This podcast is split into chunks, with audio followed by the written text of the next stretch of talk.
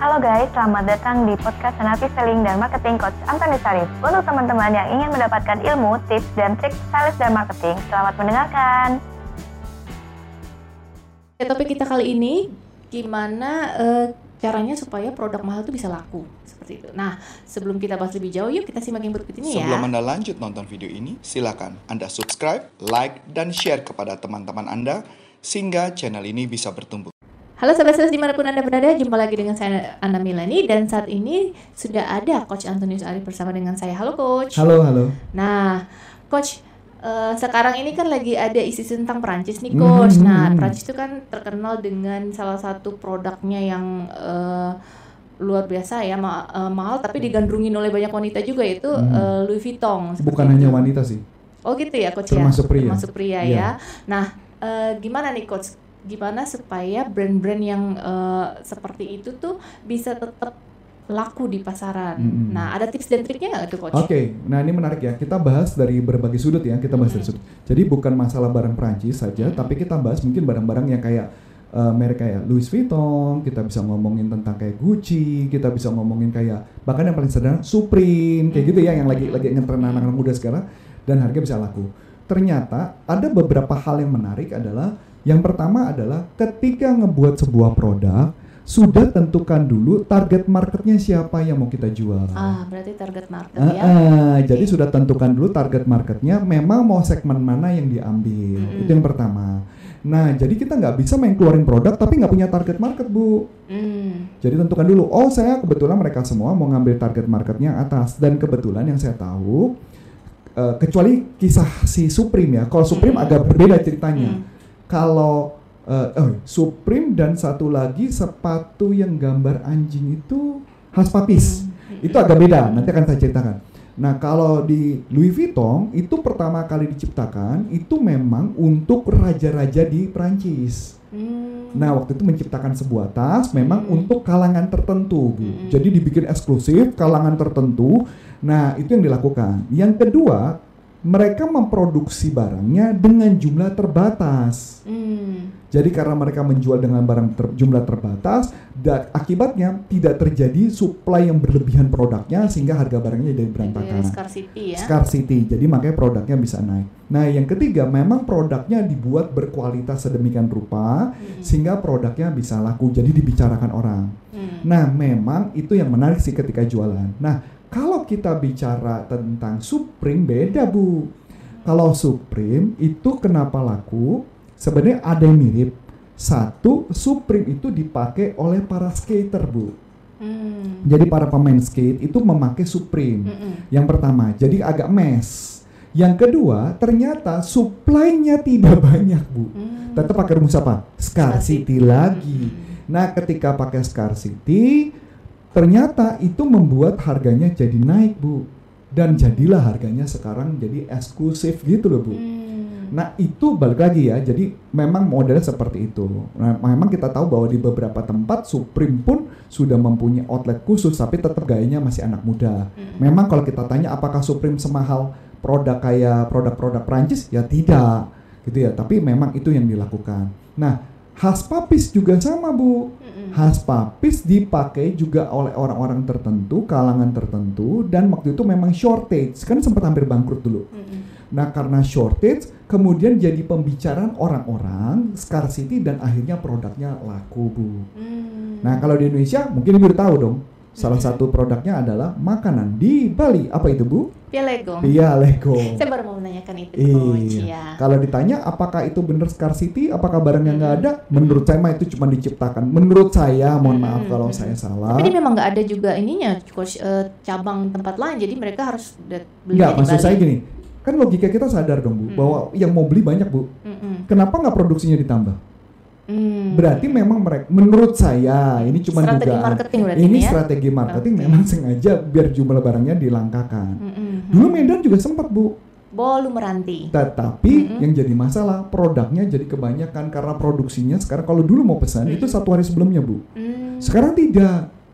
Ya, siapa pun yang datang ke outletnya bisa pesan sih. Dan terakhir kali kita ke Bolu Meranti kan ramai banget rame. ya, bahkan orang Gojek iya. Grab pun ada ya, Bu. Iya. Nah, itu maksud saya. Jadi hmm. produk yang kalau jumlah barangnya tidak dibuat scarcity, maka yang terjadi apa? Yaitu Hmm, apakah strategi marketing juga ya salah satunya mereka tidak buka cabang di tempat lain? maksudnya? itu keputusan sih. Hmm. Itu keputusan Hmm. mereka. Memang mereka tidak mau beli ba- apa mau jual barang itu di tempat lain itu keputusan mereka. Hmm. Tetapi yang paling penting buat kita adalah itu memang adalah salah satu strategi dengan rumus eh, law of scarcity atau hukum kelangkaan yang akan membuat produknya jadi naik sih bu. Hmm. Memang mau nggak mau sih, memang itu adalah satu strategi yang sangat bagus. Memang bisa dipakai. Cuman kan kadang-kadang kan orang suka serakah ya, pengennya jual sebanyak-banyaknya gitu dan Hmm, sebagainya. Ya itu baik lagi strategi apa yang mau dipakai sih. Jadi penentuan pertama target market itu penting banget sih. Penentuan target market kita pakai rumus ya scarcity baru bisa dilak bisa bisa jalan. Memang mungkin ada pertanyaan, kalau saya sudah buat jual barang mahal, kemudian nggak laku gimana? Ya balik Hmm. lagi. Eh, makanya kenapa mungkin perlu ada penempelan dengan orang-orang tertentu atau influencer tertentu. Saya ambil contoh. Kalau tadi Louis Vuitton berarti kan dia nempelnya kepada raja-raja kan? Mm-mm. Begitu juga dengan produk-produk mungkin kayak Gucci, saya nggak tahu. Mungkin Gucci nempelnya dengan para artis tertentu yang kelihatannya model keren mahal, mungkin saya nggak tahu. Atau ketika eh, Supreme berarti dengan an- anak-anak skater dan sebagainya gitu kan. Nah itu balik lagi segmen-segmen mana yang dimasuki sih bu? Hmm. Itu memang cuma strategi aja sih, Hmm. strategi marketing. Oke Hmm. oke, wah menarik sekali ya coach ya. Hmm, hmm. Berarti eh, suatu produk itu mahal belum tentu memang eh, tidak ada pasarnya, tidak ada pembelinya ya coach ya. Jadi bisa jadi Segmen setiap produk ada Ya, segmennya. pasti ada segmen pasarnya ya. Saya suka dengan salah satu orang yang pernah mengatakan begini. Eh, kayak contoh kopi, kebetulan saya suka kopi. Mm-mm, Mereka cuma ngomong gini, kopi mau dibikin apa pun kopinya mm-mm, itu akan ada pasarnya. Mau kopinya terlalu gosong itu ada marketnya. Hmm. Kopi yang agak muda di roastingnya itu ada pasarnya. Kopinya di cara seduhnya gimana ada pasarnya. Jadi nggak ada istilah kopi nggak enak tuh nggak ada. Hmm, pasti ada aja pasarnya ya. Pasarnya maksudnya adalah ada aja target marketnya bu. Hmm. Jadi kalau contoh, kemarin saya minum satu kopi nih, kopinya agak sepet, itu bukan punya saya tuh. Itu pasti saya nggak suka tuh. Tapi pertanyaan, ada nggak yang bakal beli? Banyak. Tapi baik lagi, jadi memang ada segmennya. Bahkan di daerah mana saya lupa, ada kopi yang dicemplungin pakai arang bu. Hmm? Arang nyala api, dicemplung, oh, Jogja kalau nggak salah. Jadi marketnya ada aja sih bu. Oke, jadi sama seperti makanan juga gitu ya, coach ya. Pasti marketnya juga ada aja ya. Eh, kalau makanan sih enggak sih bu. Mau beda lagi ya. Makanan Heeh. ada bedanya. Mungkin ada, balik lagi, makanan tertentu memang di daerah tertentu bisa jadi nggak laku gitu loh. Mm-mm. Jadi ada makanan tertentu di daerah tertentu nggak bisa laku. Balik lagi, balik lagi ke segmen target market. Kita perlu tahu misalkan kita mau jualan makanan di satu lokasi tertentu tidak semua orang mau beli makanan itu. Saya ambil contoh deh, Eh, daerah Jakarta Selatan. Jakarta Selatannya agak ke pinggir mau menuju ke benar-benar selatan banget gitu ya. Eh, produk-produk tertentu kan nggak laku bu. Makanan tertentu nggak laku Kecuali restoran Padang ya, coach. kecuali restoran Padang di mana-mana selalu, selalu laku ya? Kalau restoran Padang sih bisa dibilang semua selalu laku sih. Oke. Jadi memang balik lagi semua ada segmen-segmennya sih bu. Mm-mm. Jadi ada segmen produk yang di mana memang nggak bisa laku, memang ada yang laku dan tugas kita adalah mencari di mana customer itu berada, baru buka outlet di sana. Oke. Kalau makanan, Oke, so jadi itu pilihan sahabat sales ya. Mau kira-kira produknya kalau memang produknya itu langka, gimana ide kita supaya produk itu punya target market juga gitu ya, coach ya. tentukan dulu target market. Terus satu tentukan target market. Kedua, kalau mau dibuat mahal, buat produknya scarcity. Nah, hanya ada dua cara. Dan ketiga, dibuat ya. Cari Oke, influencer. Oh, cari influencer. Influencer bisa macam-macam ya bu. Mm-mm. Influencer orang terkenal, bisa aja influencer anak-anak muda. Kalau memang segmen targetnya adalah skater, ya cari ke skater. ke skater. Kalau segmennya adalah anak-anak yang eh, anak band, ya berarti pakai anak band. Atau yang suka TikTok. Biasanya TikTok, Pak. TikTok tuh terlalu beragam sih bu, susah bu. Hmm, jadi, Jadi, enggak gitu mudah Enggak, ya. bukan segmen yang lebih. TikTok. Ya, ah. saya ambil contoh kayak contoh motor deh. Saya ngomong Mm-mm. contoh motor. Kan ada motor yang khusus motor anak-anak kecil, anak muda bu.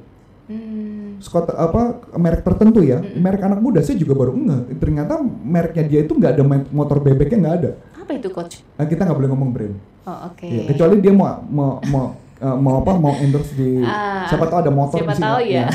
nggak mungkin kekecilan sini motornya nggak jadi Oke. memang ada motor yang memang tidak ada bebeknya Hmm. jadi memang ada tergantung market balik lagi Mm-mm, mm-mm. Eh, segmennya balik lagi ke segmen sih Oh, oke Mm-mm. ya. Berarti apa pun produknya masih tetap bisa dapat target market Kalau ya. mengerti Mm-mm. target marketnya. Nah. Jangan bikin produk Kalau sebelum Anda menentukan target marketnya mau Oke. ke mana. Berarti target market penting ya sahabat sales ya Hmm. untuk eh, menentukan satu produk itu bisa dilakukan Ya. nggak ya. Oke sahabat sales di mana pun anda berada, sekian dulu bincang-bincang kita kali ini dan eh, gimana coach ya kalau ada yang mau ikut pelatihan-pelatihan tentang sales? Kalau mau ikut pelatihan sales dari saya dan tim Mm-mm. saya online Mm-mm, bisa di salesuniversity.id. mhm, Kalau mau mengundang kami, mm-mm. ya memang zaman sekarang ini ada pelatihannya pakai online ataupun Mm. langsung langsung datang offline. Offline. Dulu nggak ada istilah offline nih, baru kali ini ada istilah offline nih gara-gara Tatap new normal, muka ya. tatap muka. Oke. Eh, sebenarnya tatap muka juga online bu, Oh online juga tetap muka ya benar, Iya, hanya iya. tetap muka via online. via online Oke. ya. Yang satu lagi adalah Anda bisa Mhm. mengundang kami, bisa melihat di corporaconsulting.com nanti ada Mhm. informasinya Mhm. atau di deskripsi ada penjelasan, ada nomor telepon yang bisa dikontak dari Bu Ana. Itu aja mungkin disampaikan. Ya. So sukses Oke. buat Anda dan sampai jumpa. Salam, Salam performance. performance. Bye bye. Nah, untuk teman-teman yang sudah menerangkan, terima kasih ya dan nantikan podcast selanjutnya.